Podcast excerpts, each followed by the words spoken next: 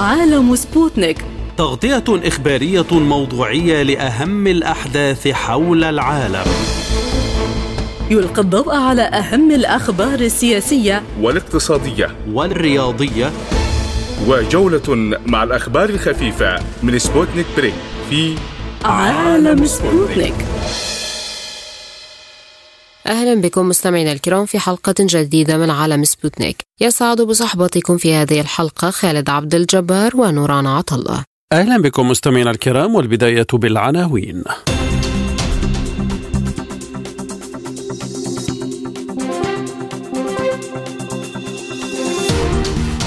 الخارجية الروسية. موسكو مستعدة لبحث أزمة العلاقات مع الاتحاد الأوروبي لكن بشروط.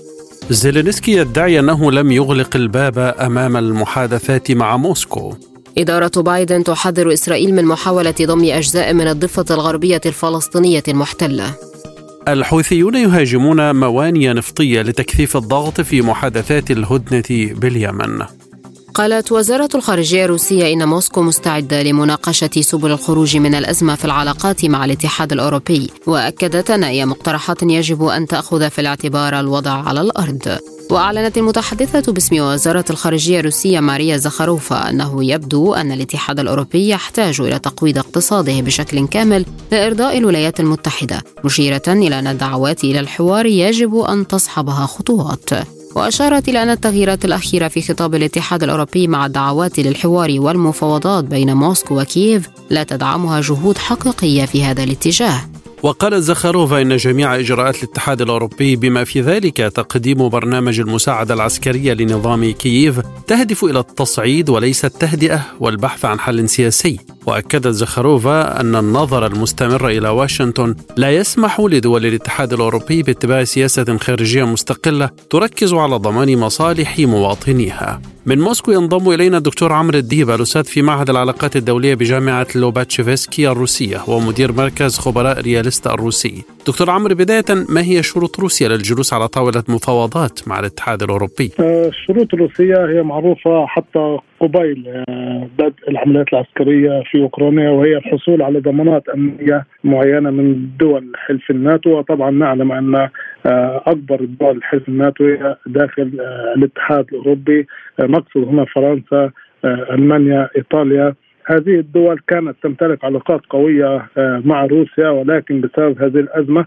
هناك كان هناك تجميد كبير لهذه العلاقات. ولكن بعد الأزمة الاقتصادية الكبيرة التي يواجهها الاتحاد الأوروبي خصوصا وأن الشتاء قادم وسيكون شتاء باردا جدا على الاتحاد الأوروبي هناك رغبة أوروبية كما يبدو لنا بأن يتم فتح قنوات حوار ما حول الأزمة الأوكرانية، أهم الشروط الروسية في ذلك هي أول شيء وقف الإمدادات العسكرية الأوروبية، هنا لا نتحدث عن الإمدادات العسكرية الأمريكية أو البريطانية ولكن الامدادات العسكرية الأوروبية إلى القوات الأوكرانية. لأن هذا سيعني إطالة أمد أزمة العمليات العسكرية في أوكرانيا، مسألة أيضا يعني دعم بأسلحة نوعية حديثة تعني في نهاية الأمر بأن العمليات العسكرية هذه ستستمر لأطول فترة ممكنة. وإذا استمرت هذه العمليات العسكرية ستعاني أكثر الدول الأوروبية من نقص الغاز من نقص الحبوب من نقص الأسمدة من نقص أمور كثيرة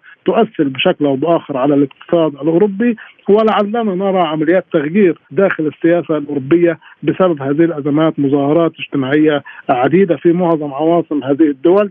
لذلك الهدف الأول هو محاولة الإيقاف الإمدادات العسكرية الأوروبية والبدء فورا في مفاوضات هادفة أو تؤكد أهداف أهداف روسيا من هذه العملية العسكرية. لأن روسيا وحتى اليوم كان هناك تصريح من الكريملين بأن الأهداف الروسية يجب أن تتحقق في الداخل الأوكراني بالمفاوضات أو بالعمليات العسكرية بأي الطرفين يجب أن تتحقق الأهداف الروسية التي من أجلها بدأت العملية العسكرية الخاصة في أوكرانيا. لكن هل يمكن أن يتوقف فعلا الاتحاد الأوروبي عن دعم أوكرانيا بالسلاح؟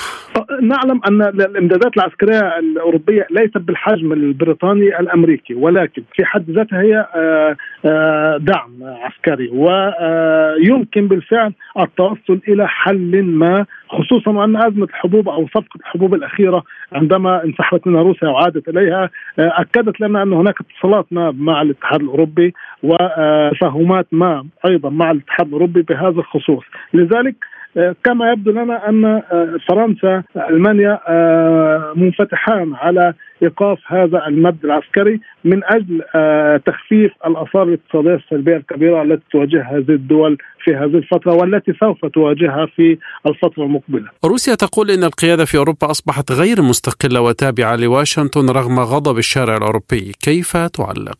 لا هذه حقيقة ماثله من الجميع لا تريد أي تفسير الدول الأوروبية الكبيرة بالرغم من أن مصالحها الشخصية تقتضي استمرار التعاون مع روسيا كانت تستقبل الغاز بأقل الأسعار، كانت تستقبل المواد البترولية بأقل الأسعار، آه، الحبوب الروسية، الأسمدة الروسية، الأمونيا الروسية، كل هذه المواد المهمة جدا للاقتصاد الأوروبي كانت تحصل عليها من روسيا بأقل الأسعار، خصوصا وأن الأمن الأوروبي العام هو مرتبط بروسيا يعني لا يوجد أمن في القارة الأوروبية بدون الأمن الروسي. لذلك آه، روسيا الاتحاد الأوروبي خسر كثيرا جدا من هذه الأزمة الأخيرة والكاسبين الأوائل في هذه الامر في هذا الأمر هي بريطانيا والولايات المتحدة الأمريكية. ولعلنا نرى المكاسب المهولة من بيع الغاز المسال الأمريكي الذي بنهاية هذا العام ستكون الولايات المتحدة الأمريكية لأول مرة في التاريخ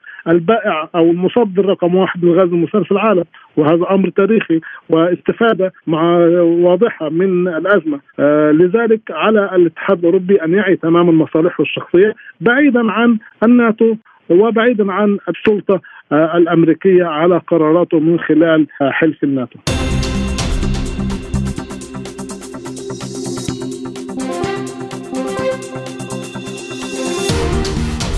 زعم الرئيس الأوكراني فلاديمير زيلينسكي أنه لم يغلق الباب أمام المحادثات مع موسكو وأعلن أنه لا يستبعد إجراء محادثات سلام. وفي مقابلة مع شبكة سي إن إن قال زيلينسكي إنه لم يغلق الباب وأشار إلى أنه مستعد للتحدث مع روسيا لكن مع روسيا مختلفة جاهزة للسلام. وبحسب مستشار البنتاغون السابق دوغلاس ماكغريغور فإن الولايات المتحدة طلبت من زيلينسكي أن يوهم باستعداد كييف للمفاوضات مع موسكو لأن الدول الغربية بدأت تتعب من أوكرانيا وكتبت صحيفة بوليتيكو الأمريكية نقلا عن مصادر أن التغيير في موقف الرئيس الأوكراني حدث بعد أيام قليلة من زيارة مستشار الأمن القومي الأمريكي جاك سوليفان إلى أوكرانيا. وقال وزير الخارجية الروسي سيرجي لافروف سابقا إن القيادة الروسية وعلى رأسها الرئيس فلاديمير بوتين لا تزال كالسابق مستعدة لإجراء مفاوضات بشأن أوكرانيا. من باريس ينضم إلينا الأستاذ هلال العبيدي الكاتب والمحلل السياسي. أستاذ هلال ماذا حدث إذن لكي يغير زيلينسكي رأيه حيث كان يرفض الحوار من قبل. آه، يعني الحرب الروسية الأوكرانية هي ليست حقيقة. حرب تتعلق فقط بروسيا أو بأوكرانيا. هناك عدة تداخلات لمواقف دول آه، أوروبا وإضافة إلى الولايات المتحدة الأمريكية وحتى دول مجموعة السبع. هي تدخلت بشكل أو بآخر في هذه الحرب آه، لدعم طرف. أصبحت هذه الدول وهذه المجموعات يعني منخرطة بشكل أو بآخر في هذه الحرب. لذلك هي تحاول الضغط على زيلينسكي بما تراها متوافقة مع مصالحها أيضا العليا وأيضا لما يصب في مصلحة أوكرانيا.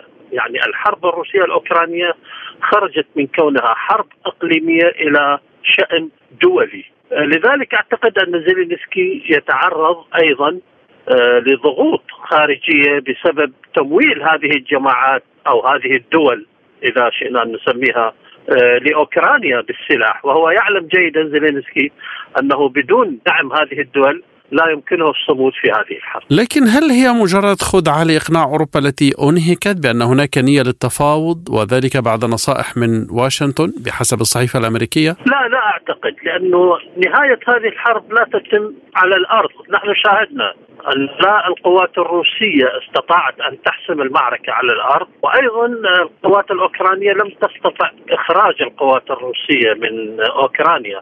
لذلك أعتقد أنه حقيقة هذه الحرب لن تنتهي إلا بمفاوضات ومفاوضات طويلة تجلس فيها جميع الأطراف.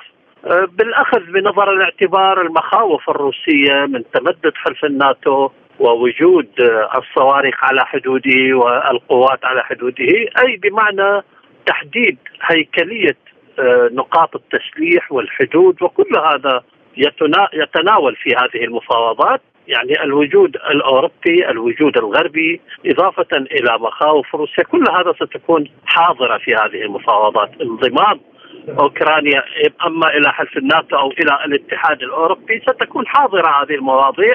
آه، وهي فكرة يعني على فكرة مفاوضات ستكون آه، ليست سهلة ولا ولن تنتهي خلال أشهر معدودة. يعني مفاوضات ستكون طويلة آه، تبنى على قواعد ثابتة بما يحافظ على مصلحة جميع الأطراف.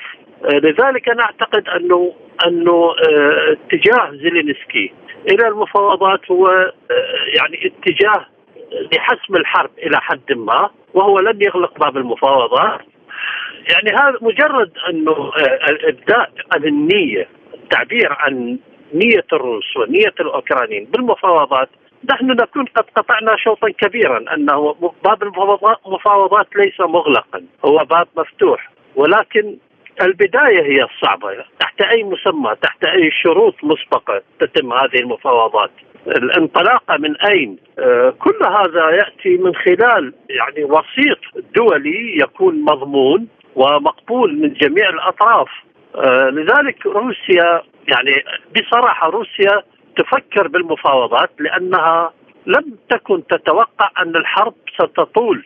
بهذه الطريقة حتى أنها لم تسميها حرب سمتها عملية عسكرية كما الأوكرانيين يبحثون عن مخرج أستاذ هلال العبيد أنت قلت أن الحرب لن تنتهي على الأرض هل هناك صيغة طرحت حتى الآن من وسيط دولي أو غير دولي تبدو مقبولة؟ يعني حسب علمي أنه هناك آه، تدخل من آه، يعني كان هناك تدخل من تركيا كوسيط وأيضا من المجموعة العربية بقيادة السعودية. أيضا خصوصا أنها ساهمت في إطلاق عدد آه، سراح عدد من الرهان أطلقوا سراح عدد من الرهان. لذلك أعتقد أنه التقارب الروسي السعودي يستطيع أن يصب في هذه المصلحة وأيضا قرب آه، دوائر المخابرات السعودية من المخابرات الأمريكية من دوائر صنع القرار الأمريكي. ولكن هذا مرهون أيضا بنتائج الانتخابات الأمريكية آه، ما أخر هذه المفاوضات هو انتظار نتائج المفاوضات ليكون القرار الأمريكي قرار آه، ثابت وبعد الانتخابات وليس قبل الانتخابات.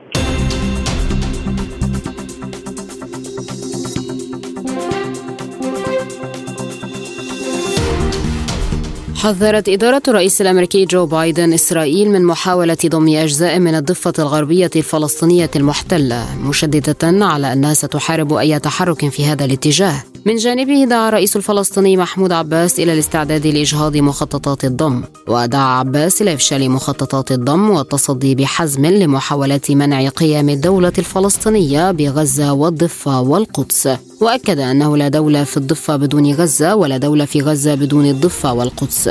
وقال السفير الأمريكي لدى إسرائيل توم نايدز إن موقف الولايات المتحدة واضح تماما ولا نؤيد الضم وسنحارب أي محاولة للقيام بذلك. وأكد السفير الأمريكي أنه يخطط للعمل مع إدارة نتنياهو. لكن يجب أيضا الدفاع عما تؤمن به واشنطن وهناك أوقات نوضح فيها خلافاتنا. ووفقا للصحيفة يؤكد هذا التحذير كيف أن الائتلاف اليميني الذي يقوده زعيم حزب الليكود بنيامين نتنياهو يمكن أن يعقد علاقات إسرائيل مع الولايات المتحدة إذا حاول الوفاء بوعوده الانتخابية الأكثر إثارة للجدل. لمزيد من التفاصيل ينضم إلينا من حيفا الكبير في الشؤون الإسرائيلية رجاز عطرة بعد التحية يعني ما هي المؤشرات التي جعلت واشنطن تحذر إسرائيل من القيام بضم أجزاء من الضفة الغربية. نعم بسبب تشكيل حكومة جديدة برئاسة نتنياهو وبمشاركة قوى تمثل اليمين الاستيطاني الإسرائيلي في صلب برنامجها تعميق الاحتلال وتعميق الاستيطان وفرض السيادة الإسرائيلية على الاراضي المحتلة عام 1967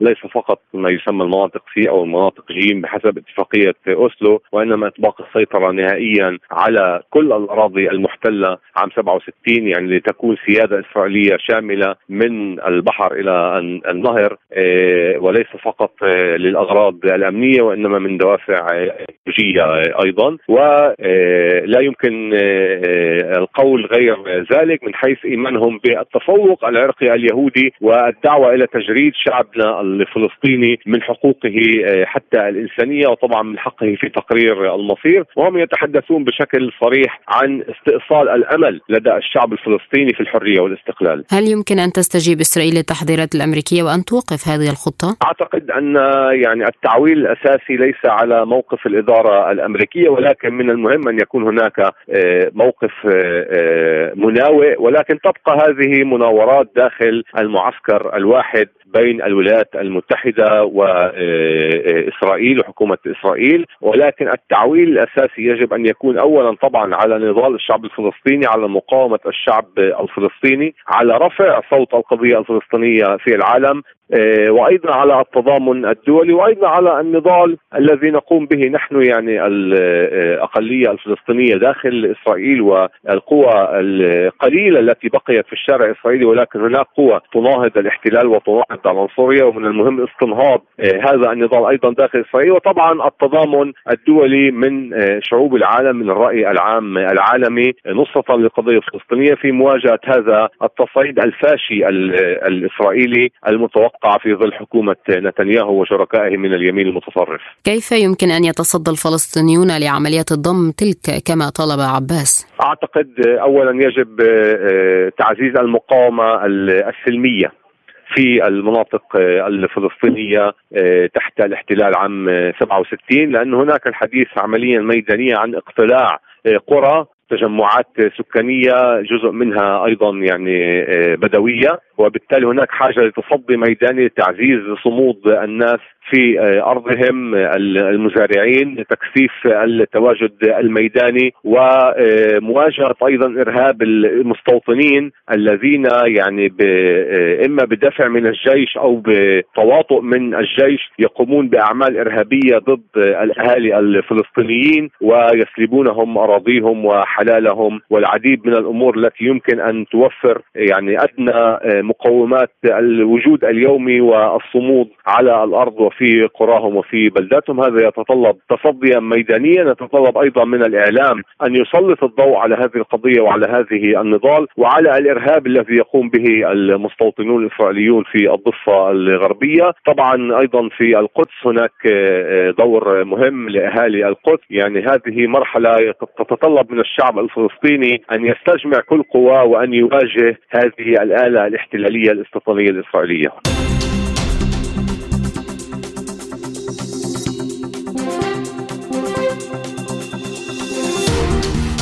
تكثف جماعة أنصار الله الحوثيون اليمنية الضغوط لتحقيق مكاسب اقتصادية في المحادثات التي تقودها الأمم المتحدة لتمديد اتفاق الهدنة عن طريق شن هجمات على مواني النفط. في مناطق تسيطر عليها الحكومة في حين يقول مسؤولون إن الهجمات تعطل تصدير الخام وتقلص إيرادات الدولة. وقالت وزارة الخارجية اليمنية في بيان إن الحوثيين شنوا هجوما بطائرة مسيرة على ميناء قنا الجنوبي في شبوة، وكتب المتحدث العسكري للحركة على تويتر إن العملية أحبطت محاولة لنهب النفط الخام عبر ميناء قنا المستخدم من قبل العدو للتهريب. القوات المسلحة منعت سفينة نفطية كانت في الميناء من نهب النفط وتهريبه وذلك بعد أن وجهت لها عدة رسائل تحذيرية ودعا بيان مشترك لسفراء الولايات المتحدة وبريطانيا وفرنسا يوم الخميس الحوثيين إلى وقف مثل هذه الهجمات على الفور. وقال يحيى سريع المتحدث العسكري باسم قوات الحوثيين إن العمليات هدفها حماية ثروة اليمن النفطية لصالح شعبه المظلوم وعلى رأس تلك الحقوق مرتبات موظفي الدولة في كل المناطق اليمنية. للتفاصيل معنا عبر أثير سبوتنيك من صنعاء أستاذ أحمد الرسحي الكاتب والمحلل السياسي. بعد التحية ماذا يهدف الحوثيون من هذه الهجمات؟ وهل الهدف فقط الحصول على رواتب الموظفين المتأخرة؟ آه، في الحقيقة يعني آه، فيما يتعلق بالحوثيين حسب قراءتنا وما يتعلق بالشأن الداخلي اليمني آه، منذ بدأت الهدنة لم يشعروا بأي جديد. فلو عدنا القراءة للهدنة منذ شهر يعني منذ أبريل بداية أبريل إلى إلى منتصف مايو آه، طيران طائرة واحدة آه، تقريبا إلى الأردن في منتصف في منتصف شهر مايو. لم يشعروا بأي تحسين للهدنه هذا الوضع هو القائم. مما آه، آه، المرة الثانية المرة الثالثة آه، ولم يشعر الشعب اليمني بأي تجدد. الحوثيين أمام إحراج كبير جدا. انصروا امام إحراج كبير. أمام الشعب اليمني أمام الحاضنة بعد ثمان سنوات ماذا حقق؟ ماذا تحقق للشعب اليمني أمام ثمان سنوات من الصمود؟ كذلك كل المقترحات التي قدمت من الأمم المتحدة لم ينفذ منها إلا الجزء البسيط يعني فيما يتعلق بالرحله إلى الأردن يعني لم يتم تبادل الاسرى بشكل مطلوب لم يفتح قطاع صنعاء إلى أكثر من واجهة ما زالت الضيقات على ميناء الحديدة بين الحين والأخرى يتم احتجاز السفن. آه لم يشعروا بأي تحسين للهدنه آه فكان هناك آه عدة سيناريوهات.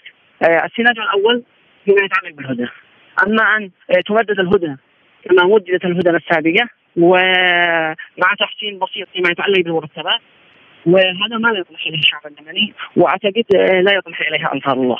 آه، أو السيناريو الثاني أن يتم الاستجابه للمقترحات. التي قدمت من قبل المبعوث وكذلك من من, من طرف صنعاء. آه، يتم الاستجابة الكامله من طرف من أطراف السعودية والإمارات ومن في صفهم واعتقد إن هذا شبه مستحيل أن يتم الاستجابة الكافه أو السيناريو الثالث وهو المؤمل يعني أو المتوقع حدوثه آه، أن يتم فشل الهدنة وأن يتم الاستجابة لأي آه، البنود. وتعود الحرب آه، أكبر مما حدثت في السابق. وربما تتحول الحرب هذه إلى حرب اقليميه فأنصر لديهم شركائهم وحلفائهم في المنطقة.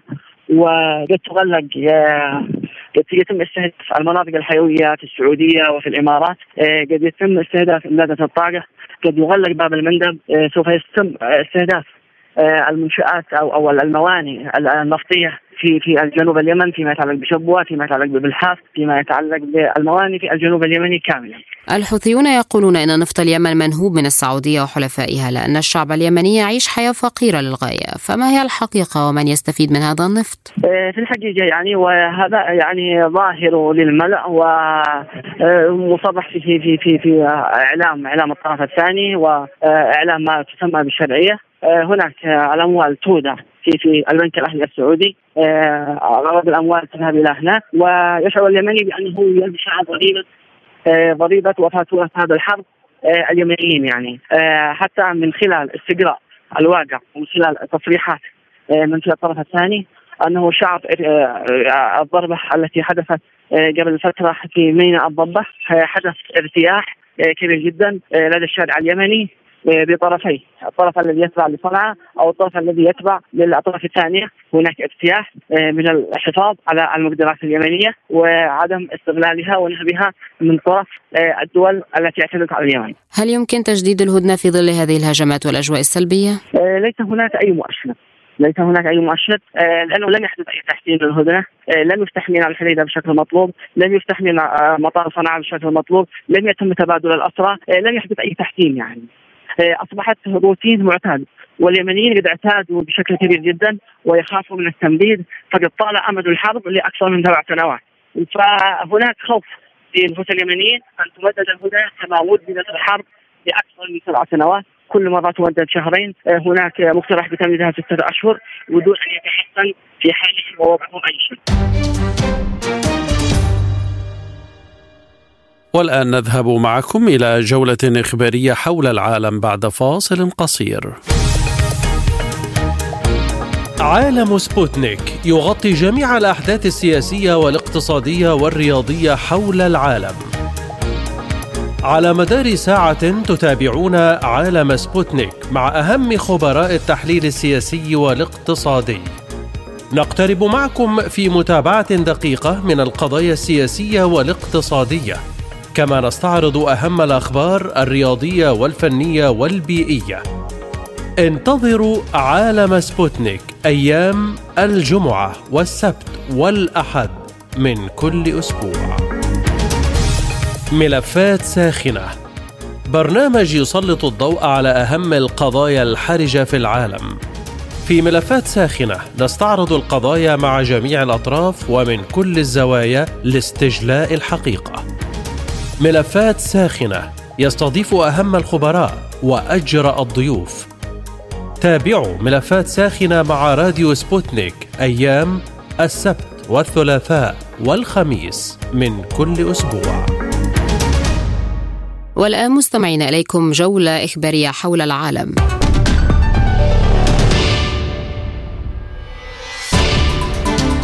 أفاد مراسل وكالة سبوتنيك أن وحدة الدفاع الجوي الروسية نجحت بصد هجوم صاروخي أوكراني أثناء انسحاب القوات الروسية إلى الضفة اليسرى لنهر دنيبر. وأشار المراسل في تقريره أن وسائط الدفاع الجوي الروسية أسقطت طائرات مسيرة وصواريخ أوكرانية الليلة الماضية بما في ذلك صواريخ هيمارس التي كان هدفها ضرب جسر أنتونوف. ووافق وزير الدفاع الروسي سيرجي شويغو على سحب القوات الروسية عبر نهر دنيبر من جانبه قال قائد المجموعة الموحدة للقوات الروسية في منطقة العملية العسكرية الخاصة في أوكرانيا. الخيار الأكثر ملائمة هو تنظيم الدفاع على طول الخط الفاصل لهذا النهر.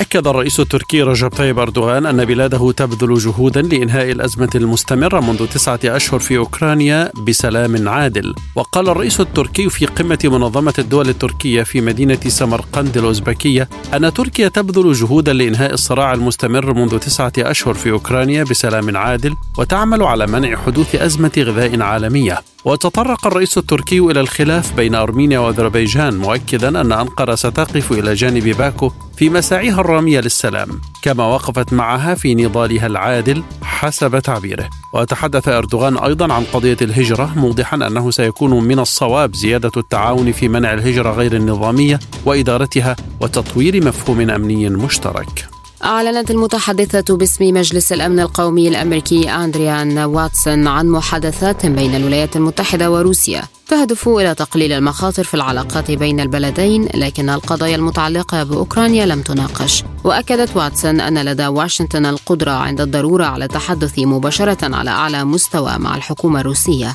وأضافت أن الغرض الوحيد من هذا هو مناقشة الحد من المخاطر بين الولايات المتحدة وروسيا. قال رئيس حركة النهضة التونسية راشد الغنوشي إن إطلاق سراحه بعد حوالي 13 ساعة من التحقيق فيما يعرف بقضية إنستالينغو جاء لأنه لا توجد تهم ثابتة ولا قرائن. وقال الغنوشي مباشرة بعد مغادرته المحكمة الابتدائية في سوسة إن الاتهامات ليست موجهة لشخصه بل لحركة النهضة موضحا أن جل الاتهامات مفبركة وتم اصطناع اتهامات هي في الحقيقة قديمة جديدة. والتهم من عهد الزعيم الراحل بورقيبة وبن علي وتونس قيس سعيد أسوأ من بن علي على حد تعبيره. وأكد أن القضاء لا يزال صامدا ولذلك لم يجد القاضي بدا سوى الحكم بالعدل والأصل أن يغلق هذا الملف لأنه واهن ومزيف ولا مبررات. داعيا للشعب التونسي إلى الصمود لأن الدكتاتورية تعيش أيامها الأخيرة حسب تعبيره. قال وزير الخارجية الإيراني حسين أمير عبد اللهيان إن بلاده ترفض محاولات بعض الدول الغربية الرامية لعقد اجتماع خاص لمجلس حقوق الإنسان حول إيران. جاء ذلك خلال اتصال هاتفي بين عبد اللهيان وأنطونيو غوتيريش الأمين العام للأمم المتحدة. وخلال الاتصال ناقش الجانبان التطورات الإقليمية والدولية. بما في ذلك الوضع في أوكرانيا واليمن وكذلك مستجدات مفاوضات إحياء الاتفاق النووي. وانتقد وزير الخارجية الإيراني ما وصفه بالتدخلات الإعلامية لدولة عربية في أعمال الشغب الأخيرة في إيران. واعتبر محاولة بعض الدول الغربية عقد اجتماع خاص لمجلس حقوق الإنسان حول إيران هو إجراء مرفوض محذرا من التداعيات السلبية لهذا الإجراء على تعاون إيران مع الغرب. قالت الوكالة الدولية للطاقة الذرية إن إيران زادت منذ سبتمبر الماضي مخزونها من اليورانيوم المخصب بنسبة 60% بواقع 6 كيلوغرامات فاصل 7 من عشرة. وبحسب تقديرات الوكالة زادت إيران مخزونها البالغ 60% من اليورانيوم النقي الانشطاري إلى 62 كيلوغرام فاصل 3 من عشرة ارتفاعا من 55 كيلوغرام ونصف. كما أشارت الوكالة إلى أنه من غير المعروف بالضبط كمية اليورانيوم عالي التخصيب التي تمتلكها إيران. وقال مدير الوكالة الدولية للطاقة الذرية رافائيل جروسي إن ممثلين عن إيران والوكالة الذرية أجروا مفاوضات في فيينا حول برنامج طهران النووي وانتهت دون نتائج. وأوضح جروسي أن المفاوضات حول خطة العمل الشاملة المشتركة أو الاتفاق النووي لم تمت وأن إيران تفي بالتزاماتها. الآن إليكم تذكرة بأهم العناوين في عالم سبوتنيك.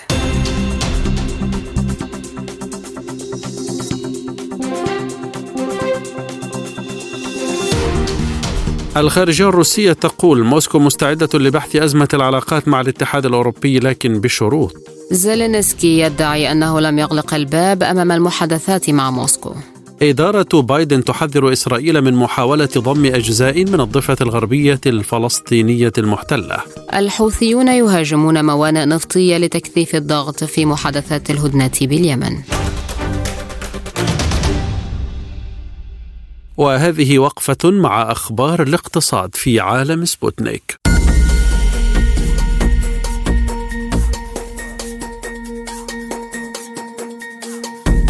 أعلن رئيس الوزراء المجري فيكتور أوربان أن العقوبات الغربية تريد إضعاف روسيا لكن نتائجها عكسية وتؤثر على اقتصاد أوروبا وتضعفه. وقال أوربان إن الاتحاد الأوروبي قرر فرض عقوبات صارمة للغاية على روسيا وهذه العقوبات في الواقع تؤدي فقط إلى تفاقم الوضع. هدفهم إضعاف روسيا وفرض السلام لكن العكس هو الصحيح. وقال أوربان اقتصاداتنا الأوروبية تتجه بسرعة نحو الركود بسبب العقوبات المفروضة على روسيا التي أتت بنتائج عكسية. وصعد الغرب ضغوط العقوبات على روسيا بشأن أوكرانيا مما أدى إلى ارتفاع أسعار الكهرباء والوقود والمواد الغذائية في أوروبا والولايات المتحدة. أشار رئيس ديوان المحاسبة الروسي ألكسي كودرين أن الاقتصاد الروسي من المتوقع أن ينكمش هذا العام بوتيرة أقل بكثير مما كان متوقعا في وقت سابق. وقال كودرين الذي شغل في السابق منصب وزير المالية الروسي إنه يجب الأخذ في الاعتبار أن جزءا من عبء خفض الناتج المحلي الإجمالي سينتقل إلى العام المقبل. وبالتالي وفقا لتوقعات وزارة التنمية الاقتصادية في عام 2023 قد ينكمش الاقتصاد الروسي بنسبة فاصلة ثمانية من عشرة بالمئة أخرى. هذا تقدير واقعي. وأضاف قدرين أنه تم تطبيق عقوبات غير مسبوقة على روسيا في البداية. كان من المتوقع أن ينخفض الناتج المحلي والإجمالي بأكثر من 7% والآن أعتقد أن الانخفاض سيكون فقط حوالي بين 2.9% و 3.13% كشفت بيانات التداول العالمي عن حصول نمو بأسعار النفط وذلك بسبب التباطؤ الزائد في التضخم بالولايات المتحدة. وارتفع سعر العقود الآجلة لشهر يناير لخام برنت بنسبة فاصل 22 من 100% إلى 93 دولارا فاصل 8 من عشرة من الدولار للبرميل. وعقود ديسمبر الآجلة لخام غرب تكساس الوسيط بنسبة فاصل 27 من 100% إلى 86.7 من عشرة دولار. واستمرت أسعار النفط في الارتفاع بفعل بيانات عن تباطؤ التضخم السنوي في الولايات المتحدة في أكتوبر على الفور إلى 7.7% من 8.2% الشهر السابق. قالت البعثة التجارية الباكستانية في روسيا إنها أرسلت اقتراحا إلى وزارة التجارة الروسية للتوصل إلى اتفاق لتبادل العملات من شأنه أن يسمح لكلا البلدين بالتداول بعملاتها الوطنية وإنها في انتظار قرار الجانب الروسي. وقال رئيس البعثة محمد شوكت حياة إنه بادر بهذا الاقتراح وأرسل خطابا رسميا إلى الوزارة الروسية المعنية فيما يتعلق باتفاقية مبادلة العملات يشار إلى أن المحادثات الجارية بشأن التحول إلى تجارة السلع بالعملات المحلية جارية بالفعل بين روسيا والهند والصين وإيران وتركيا. ارتفعت القيمة السوقية لشركة أبل الأمريكية بواقع 191 مليار دولار في يوم واحد. ويعد هذا الارتفاع قياسيا بالنسبة للشركات الأمريكية. وأضافت شركة أبل 8.9% إلى قيمتها السوقية وارتفعت بذلك القيمة السوقية للشركة الأمريكية بمقدار 190 مليار دولار فاصل 9 من عشرة في يوم واحد. وأنهى تعاملات أمس سهم شركة أبل على ارتفاع بنسبة 8.9 من عشرة بالمئة عند 146 دولار فاصل 8 من عشرة. وصعدت القيمة السوقية للشركة إلى تريليوني دولار فاصل 3 من عشرة.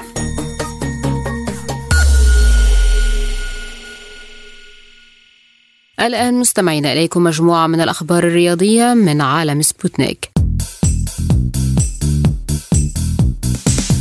قالت الأمين العام للفيفا السنغالية فاطمة سامورا. إن بلادها ستستعين بطبيب ساحر لتجهيز ماني لكأس العالم وتخليصه من الإصابة التي لحقت به. وقالت فاطمة لا أعرف إن كانت تلك الطريقة فعالة ولكن في هذه الحالة سوف نستخدمها على أي حال. وأكدت أنهم يأملون في حدوث معجزات يجب أن يتواجد ماني في كأس العالم. وتعرض ماني لإصابة أثناء مباراة بايرن ميونخ ضد فيردر بريمن في وقت سابق من هذا الأسبوع وترك السنغالي أرض الملعب.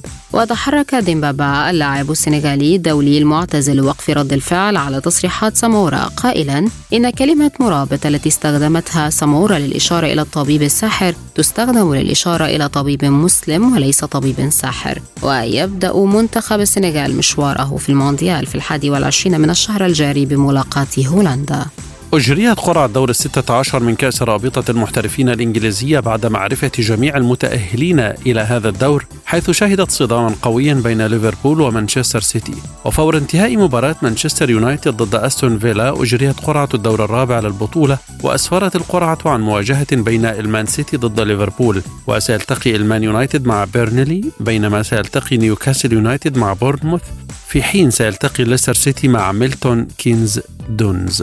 حقق فريق ريال مدريد فوزا مهما أمام ضيفه قادش 2-1 في المباراة التي جرت بينهما في ختام مباريات الجولة الرابعة عشر من الدوري الإسباني لكرة القدم. وحملت ثنائية أصحاب الأرض توقيع كل من المدافع البرازيلي إيدير ميليتاو ولاعب خط الوسط الألماني توني كروس في الدقيقتين الأربعين والسبعين على الترتيب. بينما سجل المهاجم لوكاس بيريز هدف قادش الوحيد عند الدقيقة الحادية والثمانين من زمن اللقاء الذي أقيم على ملعب سانتياغو برنابيو في العاصمة مدريد. واستعاد ريال مدريد توازنه بعد الهزيمة الأولى في الموسم الجاري التي مني بها أمام مضيفه رايو فاليكانو في الجولة الماضية ورفع رصيده إلى 35 نقطة. ويحتل المركز الثاني في ترتيب الدوري بفارق نقطتين خلف المتصدر غريمه التقليدي برشلونة. في المقابل يشغل نادي قادش المركز التاسع عشر على سلم ترتيب الليغا برصيد 11 نقطة. كشف الرئيس التنفيذي للاتحاد الدنماركي لكرة القدم جاكوب جونسون أن منتخب بلاده منع من ارتداء قمصان تحمل رسالة مؤيدة لحقوق الإنسان خلال المشاركة في بطولة مونديال قطر 2022 وقال جونسون أن القمصان كانت تحمل رسالة حقوق الإنسان للجميع لكن الفيفا أرسل رسالة ترفض هذه القمصان لأسباب فنية. وأضاف أنهم يعتقدون أن رسالة حقوق الإنسان للجميع هي رسالة عالمية وليست دعوة سياسية. ويلتزم الفيفا بقوانين اللعبة الصادرة عن مجلس الاتحاد الدولي لكرة القدم وينص قانون مجلس الاتحاد الدولي لكرة القدم على أن الأدوات يجب ألا تحتوي على أي شعارات أو بيانات أو صور سياسية أو دينية أو شخصية. وتعرضت قطر منذ حصولها على شرف تنظيم مونديال 2022 إلى كثير من الانتقادات لا سيما فيما يتعلق بحقوق العمال الأجانب العاملين فيها. الآن مستمعين إليكم جولة من الأخبار الخفيفة وسبوتنيك Break.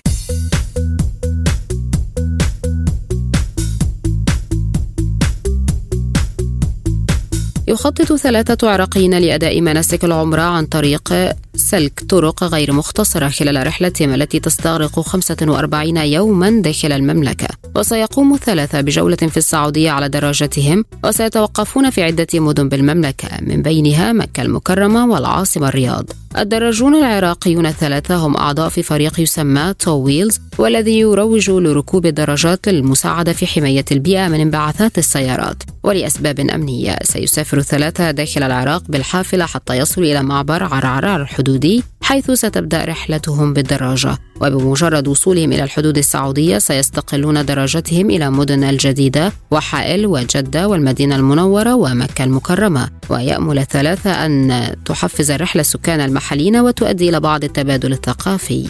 تمكن مستكشفو المناطق القطبية الروس من إنتاج كميات من الطماطم والفلفل في القارة القطبية الجنوبية بطريقة الزراعة المائية من دون تربة. وقال مدير معهد أبحاث القطب الشمالي والقطب الجنوبي ألكسندر ماكاروف في مؤتمر صحفي إن المستكشفين القطبيين الروس زرعوا 28 كيلوغرام ونصف من الطماطم وتسعة كيلوغرامات من الفلفل بدون تربة عبر الزراعة المائية على مساحة تزيد قليلا على متر مربع. وأشار الباحث الروسي إلى أن العلماء الروس يزرعون 58 نوعا من النباتات فقط في القارة القطبية الجنوبية لافتا إلى أنه من المهم تحقيق عائد أعلى يبلغ واحدا ونصف إلى مرتين عند استخدام التربة المائية. أبلغ إيلون ماسك موظفي تويتر في أول بريد إلكتروني يرسله لهم بأن العمل عن بعد لم يعد مسموحا به وأنه من المتوقع منهم أن يتواجدوا في مكاتبهم 40 ساعة على الأقل في الأسبوع.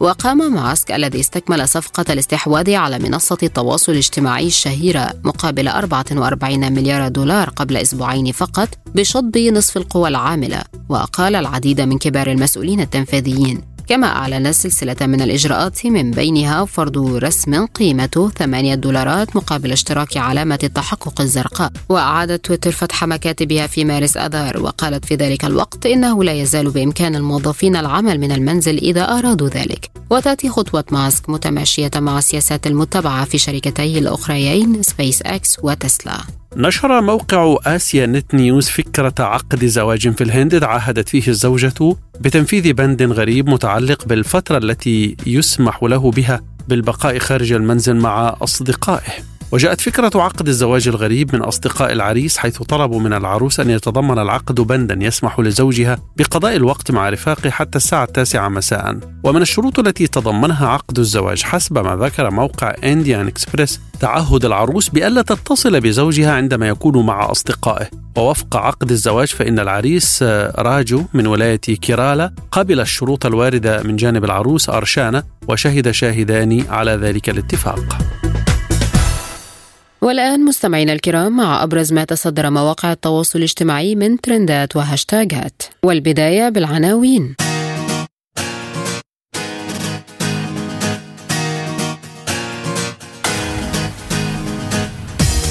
على خلفية مؤتمر المناخ بشرم الشيخ على عبد الفتاح وعمر درويش حديث مواقع التواصل الاجتماعي.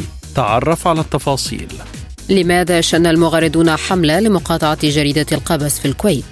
صدمة وذهول بعد مجزرة تسريح الموظفين من تويتر وتغريدات بقلب أزرق. إلى التفاصيل شهد مؤتمر صحفي عقدته أسرة الناشط المصري السجين علاء عبد الفتاح على هامش قمة المناخ بشرم الشيخ يوم الثلاثاء الماضي. واقعتين أثرتا جدلا واسعا عبر مواقع التواصل الاجتماعي في مصر وفي دول عربية أخرى. كانت سناء سيف شقيقة الناشط السياسي المصري على عبد الفتاح تتحدث خلال مؤتمر نظمته حملة العدالة المناخية عن وضع أخيها والمعتقلين السياسيين في مصر. وخلال فقرة تلقي الأسئلة من الصحفيين والمشاركين توجه عمرو درويش عضو مجلس النواب المصري إلى الحاضرين بالقول إن علاء عبد الفتاح مواطن مصري سجين جنائي وليس سياسيا. لا أرى ديمقراطية أكثر من أنكم جالسون تتحدثون هنا في مصر. ومع استمرار درويش بالحديث طلب مدير المؤتمر منه توجيه سؤال محدد إلا أن النائب أعاد تكرار نفس الطرح وهو ما دفع مدير المؤتمر لدعوة شخص آخر لتوجيه سؤاله لكن استمرار درويش لم يتوقف عن الحديث وهو ما أسفر عن تدخل منظمي المؤتمر لسحب مكبر الصوت منه وتقديمه لشخص آخر وبعدها سحب أفراد أمن تابعون للأمم المتحدة البرلماني المصري إلى خارج قاعة المؤتمر. وتباينت ردود الفعل إزاء الحدث بين من يتهم أسرة علاء عبد الفتاح بالتدليس والاستقواء بالخارج وممارسة الإرهاب الفكري من جهة ومن يتهم النائب المصري بأنه أهان نفسه وبلده. فكتب حساب باسم الأزهري. أنا مش فاهم يعني إيه أمن أجنبي على أرضي يطرد برلماني مصري على أرضه. اللي حصل ده غير مقبول. وكتبت رشا الجولي تقول المنظر القذر ده. إزاي أمن أجنبي في مؤتمر مصري يطرد برلماني؟ إيه اللي إحنا فيه ده؟ ومين سمح لأمن أجنبي يجي بلدنا؟ هو في إيه؟ وكتب نور هزاع المفروض النائب عمرو درويش يرفع قضية على كل واحد لمسه أو تعامل معاه بشكل غير لائق من المنظمات الدولية أو أمن الأمم المتحدة أو غيرهم. ده عضو مجلس نواب مصري وبيمثلنا كلنا مش هنلعب إحنا وكتبت أمل إبراهيم الموضوع ده يستفز أي وطني محترم. وأنا لو مكانه كنت هتكلم هم أصلا ما ادولوش الحرية والفرصة والمساحة في التعبير. ومؤكد إنه كان بيتكلم بدافع شخصي ومحدش طلب منه يتكلم. هو إزاي واحد أجنبي يطرد برلماني مصري على أرضه. بينما كتب عبد الرحمن منصور يقول النائب عمرو درويش أمين سر لجنة الإدارة المحلية بالبرلمان بعد محاولته مقاطعة سناء سيف أثناء ندوة للحديث عن قضية أخيها. لم يخبر أحد عمرو أن مثل هذه الفعاليات لا مكان فيها للبلطجة والتشويش والترهيب. من يسيء لصورة مصر الآن أمام ضيوفها من كل أنحاء العالم؟ الإجابة واضحة. وكتب محمد الشربجي أكثر مشهد أحزنني أن برلماني مصري يهين نفسه والدولة بدخول مثل هذا المؤتمر. كان أحرى بك عدم الدخول وترك كل مدعي فأنت يسرت مهمة إحراج نفسك وإحراج الدولة. عاشت مصر رغم أنف كل حاقد ومتآمر مع اعتراضي على حبس سجناء الرأي ولكن كرامة مواطن مصري فوق كل شيء.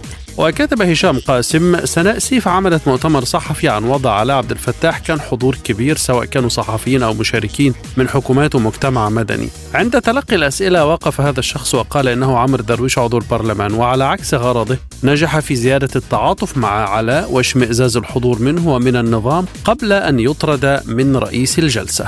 أما عمرو درويش نفسه فكتب عبر حسابه على فيسبوك. التدليس والخداع والاستقواء بالخارج أبرز سمات المؤتمر الصحفي لأسرة علاء عبد الفتاح. كان أولى بهم استخدام أساليب ترتقي لشعارات الدفاع عن حقوق الإنسان التي يتشدقون بها.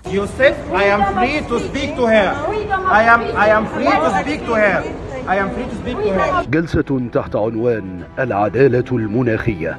وعقدت بالجناح الألماني بمقر انعقاد مؤتمر المناخ كوب 27 بشرم الشيخ. تحولت لمؤتمر صحفي لسناء سيف شقيقة علاء عبد الفتاح المحبوس على ذمة قضايا متهم فيها بإثارة الفوضى والتحريض على قتل ضباط الشرطة وإراقة الدماء. وهنا تعرض النائب عمرو درويش عضو مجلس النواب عن تنسيقية شباب الأحزاب والسياسيين لقمع رأيه حين أوضح أن علاء عبد الفتاح هو سجين جنائي وليس سجين رأي ولم يسمح له بالحديث وتم طرده في مخالفة واضحة لقواعد حقوق الإنسان. ظهر بشكل يعني علني بشكل واضح جدا انحيازهم ضد الدولة المصرية وأعتقد إن مفيش مواطن مصري يعني هيقبل بهذا بأي حال من الأحوال بغض النظر إذا كان نائب في البرلمان أو مواطن عادي.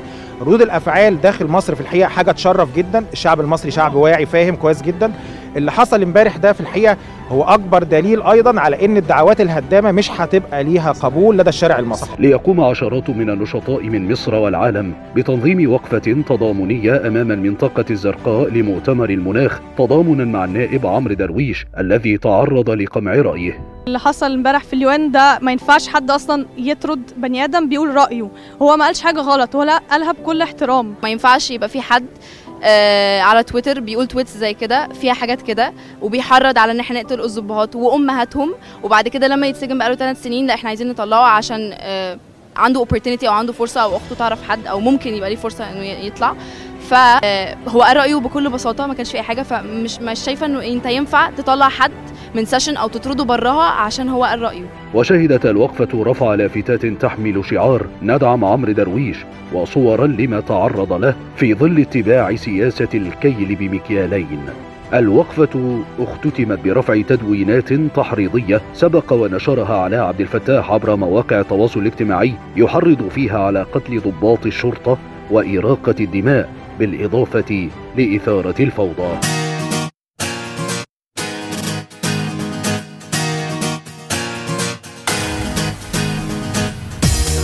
ضجت مواقع التواصل الاجتماعي في الكويت بدعوات لمقاطعة جريدة القبس الكويتية بعد نشرها في افتتاحية عددها. الصادر في التاسع من نوفمبر تشرين الثاني. مقالا بعنوان دعم الجهاز المركزي واجب وطني وأشارت الجريدة في افتتاحيتها إلى ما وصفتها بالحملة الجائرة والشعواء ضد هذا الجهاز المنوط به معالجة أوضاع المقيمين بصورة غير قانونية عبر وسائل التواصل وتحولها إلى هجوم ممنهج للنيل من هذا الجهاز الوطني والانتقام من رئيسه. طبعا المقصود هنا بالجهاز الوطني هو الجهاز المركزي لمعالجة أوضاع المقيمين بصورة غير قانونية وهو هيئة قانونية كويتية منوط بها حل مشكلة البدون. نعم ويأتي هذا بعد أن انتشرت عبر مواقع التواصل دعوات لإلغاء الجهاز المركزي عللها أصحابها بإخفاق هذه الهيئة الحكومية في إيجاد حل لمشكلة البدون بعد مرور 12 عاما على تأسيسها في التاسع من نوفمبر تشرين الثاني عام 2010 وعبر مواقع التواصل الاجتماعي قوبلت هذه الافتتاحية بانتقادات واسعة النطاق إذ وصفها كثير من المغردين بأنها ظالمة لحقوق الكويتيين البدون الذين تسلم ملفهم الجهاز المركزي في الكويت. وتصدرت موقع التدوينات القصيرة تويتر وسوم مثل مقاطعة القبس واجب وطني ومقاطعة الجهاز المركزي واجب وطني والتي جاءت تحتها تغريدات كثيرة ومتنوعة مثل تغريدة عمر يوسف التي يقول من أجل أن يكون عبرة من لا يعتبر القبس تجاهلت فشل الجهاز المركزي 12 عاما وتجاهلت الكويتيين البدون المستحقين للهوية الوطنية وتعمدت هدر كرامتهم لذلك مقاطعة القبس واجب وطني والبدون أولوية. وكتب نجم عبد الله يقول سقطت ورقة التوت الصحيفة تطالب بدعم الجهاز المركزي وتعتبره واجبا وطنيا. والواجب الوطني هو تحقيق أقصى أنواع العدالة ومصلحة الكويت وصالح تنميتها. القضية ليست فزاعة عرقية أو عنصرية للجهاز أو منهجه. استمرار ظلم البشر سبعين عاما واستضعافهم نذير شؤم. وكتب عبد الله عيسى أي واجب وطني تدعي هذه الجريدة؟ هل الواجب الوطني يحتم علينا ظلم الناس وعدم إعطائهم لحقوقهم؟ أم الواجب الوطني يحتم علينا جعل الناس يعيشون بلا هوية وبلا وثائق وبلا وظائف؟ واضح أن مفهوم الواجب الوطني لدى هؤلاء منكس كعقولهم المنكسة وكتب عبد العزيز الفضلي من المعروف أن سلطة الصحافة الأقوى عالميا تتشوه دائما عندما تكون تبعا لأحد وتفشل بعين المجتمع وتصبح مهمشة، لا أحد يريد التعامل معها وتسقط وينساها التاريخ. بل إن دعوات المغردين امتدت للمطالبة بإلغاء الجهاز المركزي لمعالجة أوضاع المقيمين بصورة غير قانونية، وتزامن ذلك مع مناسبة مرور 12 عاما على تاسيسه في الكويت في التاسع من نوفمبر تشرين الثاني واخفاقه حتى الآن في إيجاد حل لقضية البدون. فقد انتشرت خلال الأيام الماضية دعوات لإلغاء هذه الجهة الحكومية. فنقل حساب باسم ترند الكويت عن وزير الصحة الأسبق الدكتور محمد الهيفي قوله صلاحية الجهاز المركزي انتهت بعد مرور 12 عاما من غير حل جذري لمشكلة البدون. والمادة واحد من المرسوم 467 لسنة 2010 حددت مدة الجهاز بخمس سنوات. لذلك المطالبة بإلغاء الجهاز المركزي صحيحة ومستحقة. وكتب فرج سعود الفريج الحياة الكريمة هي واجب لكل إنسان وليست مطلب. منذ أكثر من عشر سنوات والحكومة تنفق على الجهاز المركزي دون فائدة أو إنجاز يذكر. أؤيد الإخوة في جمعية المحامين بوجوب إلغاء الجهاز المركزي فهو واجب وطني. وكتب حسين إبراهيم بو عباس لماذا وضع الجهاز المركزي؟ أتصور أنه وضع لحفظ حقوق البشر وكرامتهم وإعطاء المظلومين حقوقهم ومعاونتهم على صعوبات الحياة إلا أنه كان واقعا دوره معاكس لكل ما ذكرته واستخدم الابتزاز والتدليس. إذا حسب القانون ما في مشكلة. طبعا حسب القانون ما في أه ملف البدون اللي يدعون إن إحنا كويتيين وإحنا ما أدري إيش أه وإحصاء 65 والعدد. في بعض يرى إنه يستحق الجنسية وفي بعض يقول لنا طلباتنا في مجلس الوزراء أو عند معالي وزير الداخل الشيخ محمد الخالد أو حقيقة تجنيس البدون. إذا كانوا يستحقون ودائما أقولها على عطوا المستحقون وخلينا نسكر الباب هذا ما نبي نجنس خلصنا. خلينا نسكر الملف هذا بدل ما يتداول عندنا ناس شهداء وأبناء شهداء وأبناء عسكريين. إحنا نقول نجنس اللي يستحقون ونسكر باب الجنسية ونقول خلاص بطلنا نجنس بهالبلد هذا. شوف بالنسبة حق أخواننا المقيمين بصورة غير قانونية شرط حصولك على الجنسية إنه يكون عندك احصاء 65 وما قبل حلو عرفت؟ ما في خلاف إي نعم آه هذه طبعا في لها هي اللجنة التنفيذية للمقيمين بصورة غير قانونية هي المختصة في, في الأمر هذا اللي هي ترفع الأسماء آه للجهات المعنية في الدولة للتجنيس. إحنا بنهاية اليوم إحنا جهة تنفيذية يعني أنا آه دائما حاطين بالهم الناس إن الإدارة العامة للجنسية والجوازات هي اللي تجنس؟ مو أنا اللي أجنس. مو أنا اللي أجنس. يعني لما لما الكشوفات تطلع من مثلا لجنة المقيمين بصوره قانونيه إلى إلى إلى مجلس الوزراء ويصادق عليها. وإحنا جهة تنفيذية اللي نصدر الجناسي. فالناس صاير عندها خلط في هالموضوع. نقول هو قرار سياسي. طبعا قرار, قرار سياسي. قرار سيادي مطلق يعني مش سياسي قرار سيادي. والله أبو سليمان بحاكيك من القلب للقلب. أنا دائما أقول قول. سكوا باب التجنيس خلونا نرتاح. خلاص كفاية.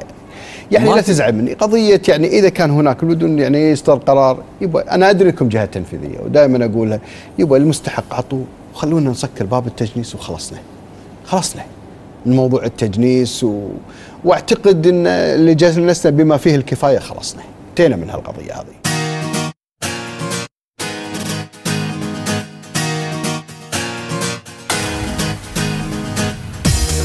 استيقظ عدد كبير من موظفي تويتر على خبر إنهاء الشركة لخدماتهم بشكل فوري ودون سابق إنذار مما أثار جدلا واسعا وردود فعل تفاوتت بين الحزن والتضامن. وكانت وسائل إعلام أمريكية قد أفادت بأن إيلون ماسك بصدد القيام بعملية تسريح كبرى لموظفي شركة تويتر التي استحوذ عليها مؤخرا. ووفقا لصحيفة واشنطن بوست أبلغت الشركة موظفيها في بريد إلكتروني أرسل مساء الخميس بأنهم سيتلقون إخطارا يوم الجمعة فيما إذا كانوا سيظلون في عملهم أو سيسرحون كما أشارت الصحيفة أيضا إلى أن عدد الموظفين الذين سيتم الاستغناء عن خدماتهم قد يصل إلى حدود الخمسين بالمئة من أصل 7500 موظف في الشركة. وبالفعل بدأ عدد كبير من العاملين في تويتر يوم الجمعة يفقدون إمكانية الدخول إلى الأنظمة الداخلية للشركة. وذيل الموظفون أغلب تغريداتهم الوداعية برسم تعبيري أو كما يعرف إيموجي لقلب أزرق في تعبير منهم عن مدى الحب الذي كانوا يحملونه للشركة. المشهورة بلونها الأزرق. كما استخدم الموظفون واسم Love Where You Work أي أحب مكان عملك وهو الشعار الذي كان يزين أغلب مكاتب تويتر حول العالم. ووجه كثير من الموظفين انتقادات كبيرة لإيلون ماسك واعتبروا أنه لم يملك الشجاعة لوضع اسمه في رسائل البريد الإلكتروني التي أبلغت الموظفين بإنهاء خدماتهم ولم يخفي البعض شعوره بنوع من الارتياح. أنه لم يعد يعمل تويتر بعد أن استحوذ عليها الملياردير الأمريكي إيلون ماسك. وعبر تويتر أيضا أبدى كثير من المستخدمين العرب تعاطفهم وحزنهم إزاء الطريقة التي تم التعامل بها مع الموظفين المسرحين فكتبت سامي عايش محزنة كل هذه التغريدات من موظفين في تويتر الذين استيقظوا صباح اليوم ولم يتمكنوا من دخول حساباتهم مقدمة ربما لفقدانهم وظائفهم. وكتبت لوليتا صباح الخير. مع أنهم موظفين رافعين فإنهم أقيلوا في رمشة عين. هذا هو القطاع الخاص. لابد للإنسان من عمل خاص جانبا.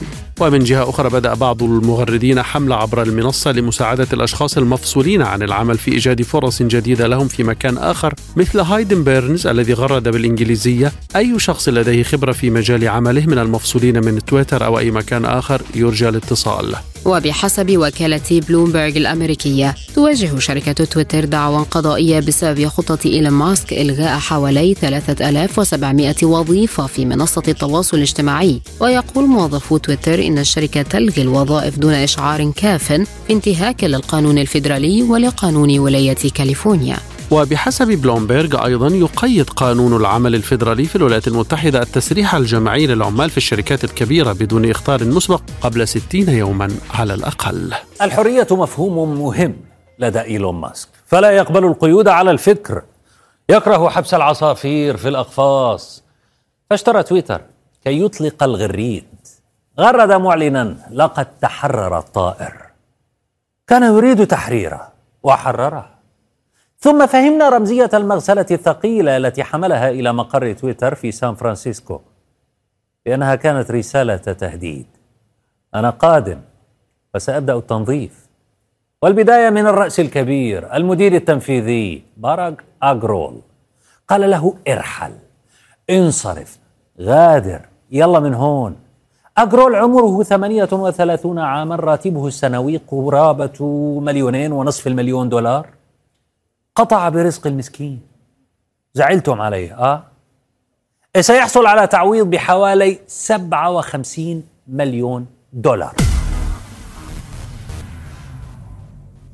وفي ختام عالم سبوتنيك إليكم تذكرة بأهم ما جاء في عالم سبوتنيك لهذا اليوم من موضوعات.